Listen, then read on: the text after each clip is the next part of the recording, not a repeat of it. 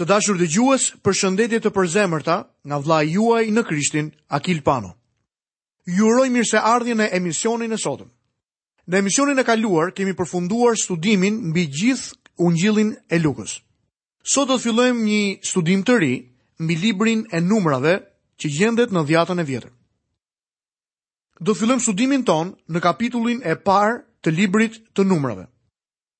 Tema e këtij kapitulli është regjistrimi i parë i përgjithshëm. Atë e lexojmë një herë në kapitullin e parë të librit të numrave, vargu i parë.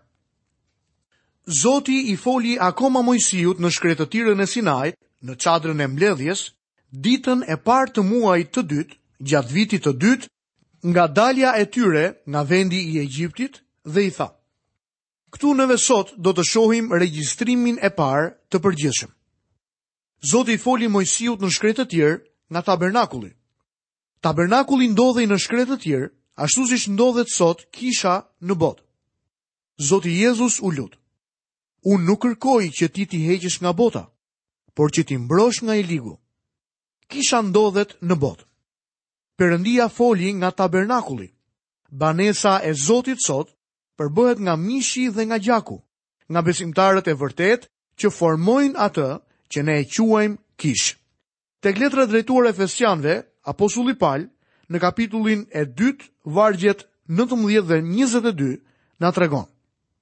Ju pra nuk jeni më të huaj, as bujtës, por qytetar të shenjtorve dhe pjestar të familjes së përëndis, të ndërtuar mbi themelin e apostujve dhe të profetve, duke qënë Jezu Krishti vetë guri i qoshes, mbi të cilin gjithë ndërtesa e lidhur mirë rritet për të qenë një tempull i shenjtë në Zotin, në të cilin edhe ju jeni bashkë ndërtuar për të qenë një banese perëndis në frym. Kjo kish është e përbër nga njerëz, ashtu si kurse edhe apostulli Paul më poshtë do ta tregoj që janë vepra e ti e krijuar në Krishtin Jezus për veprat e mira që Perëndia përgatiti që më parë që ne të ecim në tokë. Lezëm nga vargje 2 dhe 3 të kapitullit të parë të libri të numrave. Bëni e registrimin e gjitha samblesë së bive të Izraelit në bazë të familjeve të tyre dhe të shtëpive të etërve të tyre, duke numëruar një për një emrat e gjdo mashkulli. Nga mosha 20 vjeqe lartë, të gjitha ta që në Izrael mund të shkojnë në luft, ti dhe Aroni do t'i registroni grup pas grupi. Bitë e Izraelit duheshin numëruar në mënyrë që të ndërtohej një ushtri. Kjo ushtri do të nevojitej për luft. Si sklever në vendin e Egjiptit, përëndia luftoj për ta. Atyre nuk ju kërkua të luftonin. Tani që unëzorën jashtë Egjiptit në shkretë të tjerë, ata duhet të luftojnë armisht e tyre, të cilët ndodhen pikërisht aty duke pritur për ta. Mund t'ju them gjithashtu se unë dhe ti, si besimtarë, jetojmë në këtë botë, kemi armiq gjithashtu. Dhe këta armiq janë të vërtetë. Edhe një herë më lejoni të referohem letrës drejtuar Efesianëve, ku flitet për luftën e besimtarëve në këtë botë. Lexojmë në kapitullin e 6 të Efesianëve, vargu e 10 deri në vargun e 12. Për çfarë mbetet? Vëllezërit e mi, forcohuni në Zotin dhe në forcën e fuqisë së Tij. Vishni gjithë armatimin e Perëndisë, që të mund të qëndroni kunder kurtheve të djalit, sepse beteja jonë nuk është kunder gjakut dhe mishit, por kunder principatave, kunder pushteteve, kunder sënduesve të botës e rësirës të kësa epoke, kunder frimrave të mbrapshta në vendet qëllore. Fjala e përëndis të zbulon qartë që misioni dhe beteja jonë si besimtar nuk është kundra njërzve, por kundër këtyre principatave dhe pushteteve në botën e padukshme kundër këtyre trupave frymror, të cilët ngrihen kundra gjithë racës njerëzore sot. Perëndia na ka shpëtuar me anë të hirit të tij të pafund, të mrekullueshëm dhe të manitshëm. Por ne ndodhemi në një botë të keqe dhe të ashpër. Ashtu siç bijtë e Izraelit jashtë në shkretë të tjerë, ne ndodhemi në shkretë të tirën e kësaj bote, që është e mbushur plot me mëkat, padrejci, shkelje, dhe pa udhësi. Edhe pse Zoti na ka shpëtuar me anë të hirit të tij të mrekullueshëm, ne duhet të luftojmë një armik. Pali ja shkroi këtë një predikuesi të ri. Në letrën e dytë drejtuar Timoteut në kapitullin e dytë dhe vargun e tretë, ne shohim që apostulli Pal i drejton këtë fjalë Timoteut. Ti pra, duro pjesën tënde të vuajtjeve si një ushtar i mirë i Jezu Krishtit sërish apostulli Paul i thot Timoteut: Lufto luftën e drejtë të besimit. Rok jetën e përjetshme në të cilën u thire dhe për të cilën ke bërë rrëfimin e mirë të besimit përpara shumë dëshmitarve. Për herë të parë izraelitët dëgjojnë për luftë. Në këtë libër ne do të shohim luftra, betejë, trumpeta e shumë gjëra të tjera si këto. Unë dhe ti jetojmë në këtë lloj bote edhe sot. Në ditët e sotme, disa njërës mendojnë se gjithë që duhet të bëjnë është të thonë fjallën pache, dhe pacha do të vi. Ata flasin se si të bëjnë dashuri dhe jo luft. Ata shkaktojnë ende grindje dhe shqecime, ndërko që flasin për pache. Ata nuk din asgjë për pachen e vërtet. Ata nuk e din dhe nuk duan t'ja din për princin e paches, që është Zoti Jezus. Ata nuk duket si kur e kuptojnë që ne jetojmë në një botë të madhe, të keqe, dhe se ka njerëz të këqin që na rrethojnë dhe që do të ketë luftra dhe betejë. Kjo është një nga gjërat e tmerrshme të botës. Lexojmë në vargun e 4 të kapitullit të parë të librit të numrave. Dhe me ju do të jetë një burr për çdo fis, një që të jetë i pari i shtëpisë sa ati të ti. Fillimi që gjejmë në këtë libër, në këtë pasazh, nuk tingëllon shumë emocionues nuk është si ndonjë histori misterioze në televizion. Dikush mund të mendoj që ja ku kemi 54 vargje me detaje të panevojshme dhe të mërzitshme. Por ne duhet të kujtojmë që këto detaje ishin të rëndësishme për Zotin. Nëse do të shohim të vërtetat e mëdha që na jipen këtu, atëherë do të na duket me të vërtet emocionuese.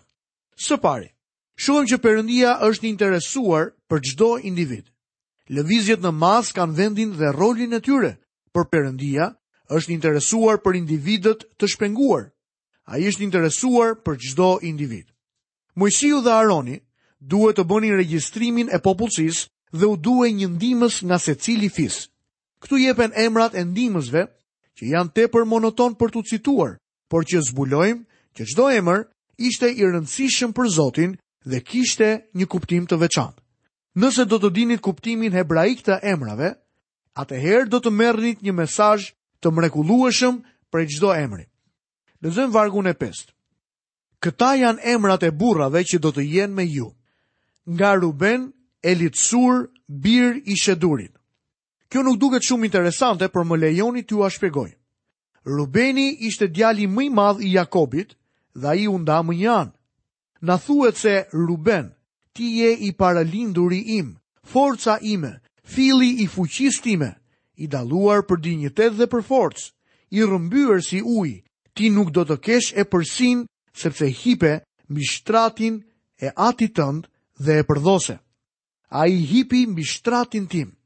To vargje i gjem të glibri Zanafilës kapitulli 29, vargu i 3 dhe i 4. Rubeni pra ishte i rëmbyër si uj. Personi tjetër i zgjedhur në fis duhet të ishte një lloj tjetër personi.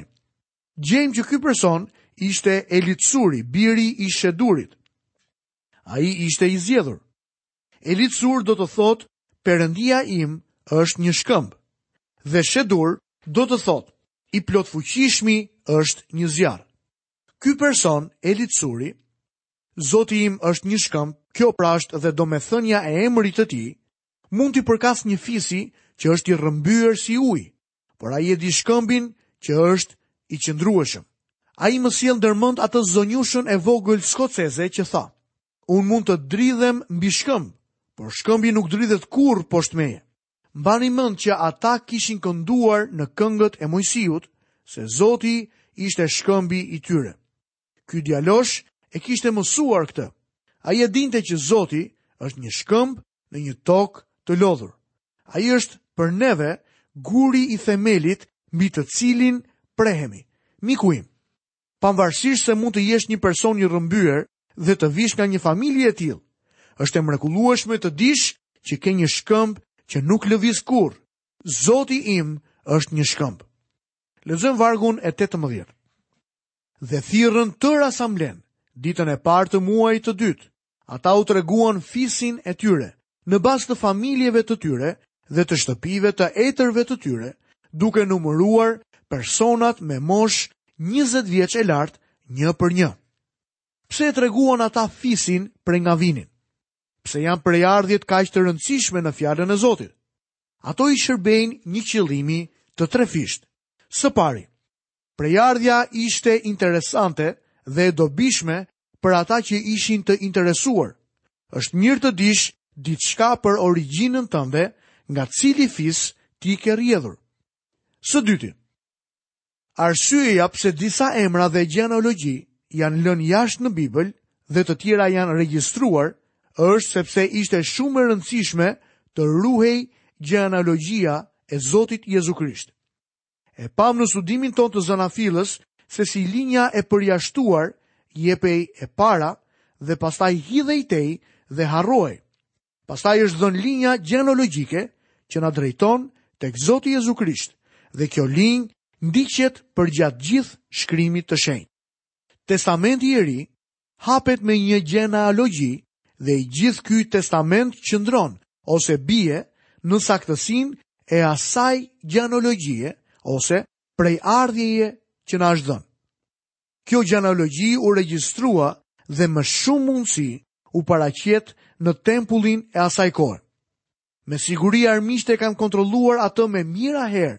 Dyshuesit, skeptikët e besimit kanë bërë të njëjtën gjë, duke shprehur të gjenin se Jezusi nuk kishte të drejtën ligjore të fronit të Davidit. Është interesant fakti se saktësia e gjenealogjisë së Jezu Krishtit nuk u vë kurrë në diskutim nga armiqtë e tij.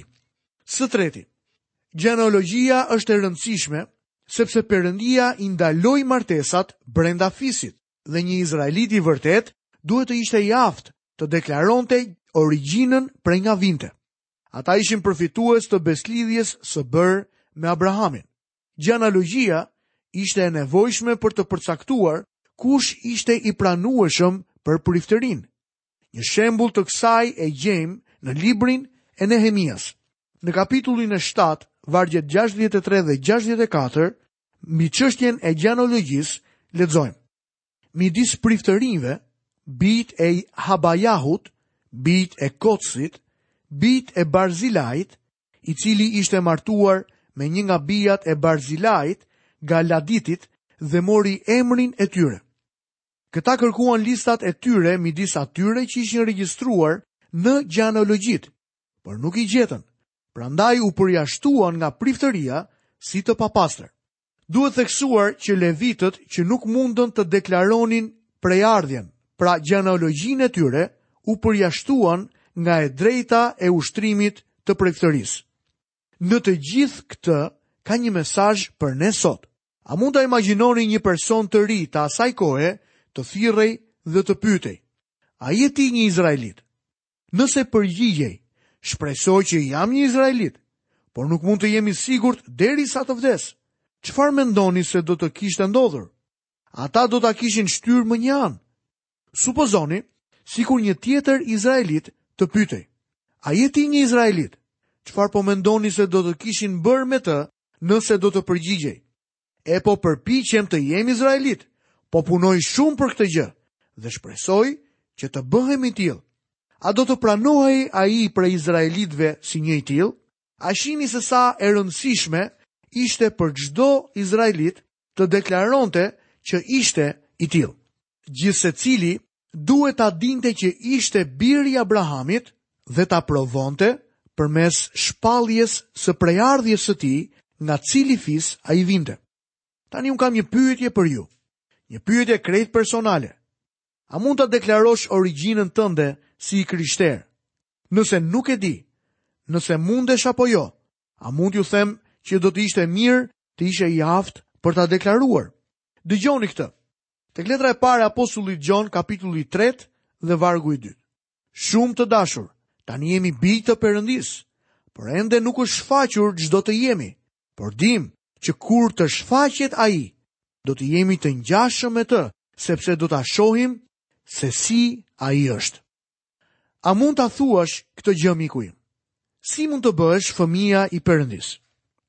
Tek letra drejtuar Galatasve kapitulli 3 dhe vargu 26, apostulli Paul na tregon: Sepse të gjithë ju jeni bi të Perëndis me anë të besimit tek Jezu Krishti. Nuk ka rrugë tjetër.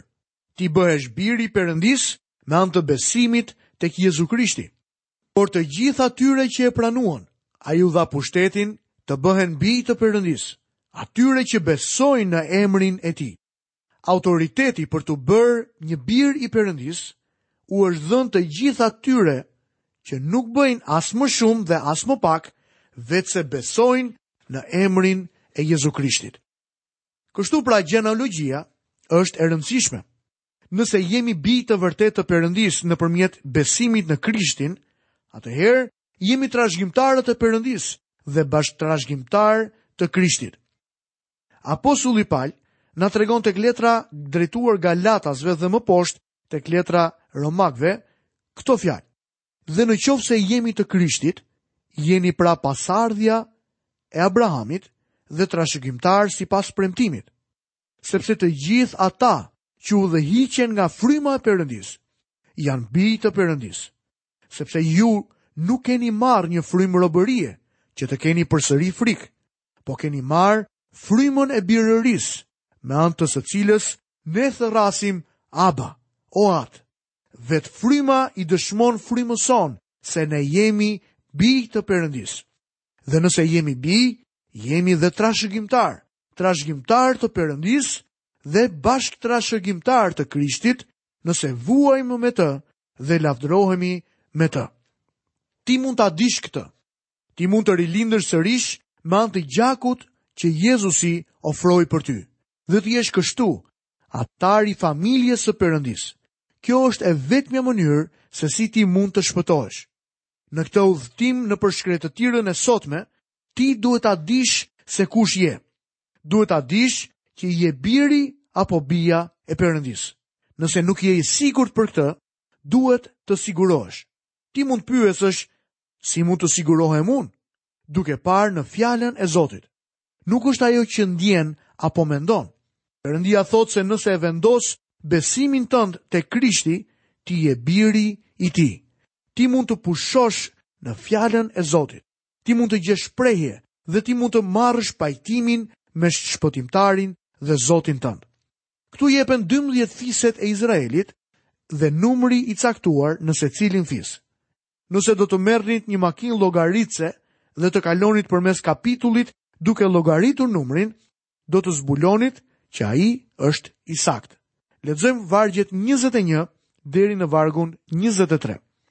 Ata që u regjistruan nga fisi i Rubenit ishin 46500. Ata që u regjistruan nga fisi i Simeonit ishin 59300 dhe kështu lista do të vazhdoj deri në vargun e 26 që thotë. Të gjithë ata që u regjistruan ishin 603550. Tani do të vëmë re se levitët nuk u llogaritën në këtë listë.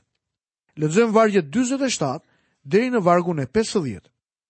Por levitët nuk u regjistruan bashkë me të tjerët sipas fisit të etërve të tyre, sepse Zoti i kishte folur Mojsiut duke i thënë: "Vetëm në fisin e Levit nuk do të bësh regjistrimin dhe nuk do të llogarisësh numrin e tyre me bijtë e Izraelit por besoju levitëve kujdesin për tabernakullin e dëshmisë për të gjitha orenditë e tij dhe për çdo gjë që i përket ata do të bartin tabernakullin dhe tër orendit e tij dhe do të bëjnë shërbimin dhe do të fushojnë rreth tabernakullit arsyeja pse nuk u numëruan për luftë ishte se kishin në ngarkim të plot tabernakulin. Ata do të ngrinin atë në mbrëmje kur të vini në kamp dhe do të transportonin kur të ishin gati për të marshuar. Fjala përëndis në tregon me detaje gjithashtu se si fushoj Izraeli në marshimi në shkretë të tjerë. Gjithashtu na ipet dhe një skicë e kampit. Për këtë do të lexojmë vargjet 51 deri në vargun e 53. Kur tabernakuli duhet të zhvendoset, Levitët do ta bëjnë pjesë pjesë. Kur tabernakulli duhet të ndalet, ata do ta ngrenë dhe i huaj që do të afrohet, do të dënohet me vdekje.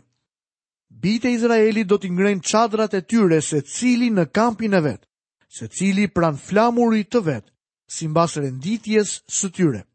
Por levitët do të ngrenë qadrat e tyre rreth tabernakullit të dëshmis me qëllim që mëria ime të mos bjerë mbi asamblene e bive të Izraelit, kështu levitët do të kujdesen për tabernakullin e dëshmis.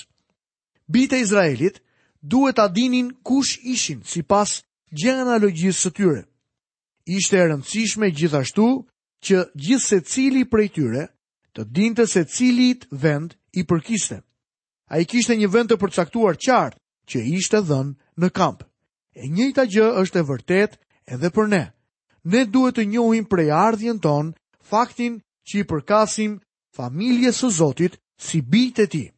Ne duhet të njohim vendin të cilit i përkasim. Më tepër rreth këtyre gjërave do të mësojmë në emisionin e ardhshëm ku ne do të studiojmë kapitullin e dytë të librit të numrave. Të dashur miq, nga vlla juaj në Krishtin Akil Pano, paçi të gjitha bekimet e Perëndis dhe paqen e tij në jetën tuaj bashk miru dhe në emisionin arshëm.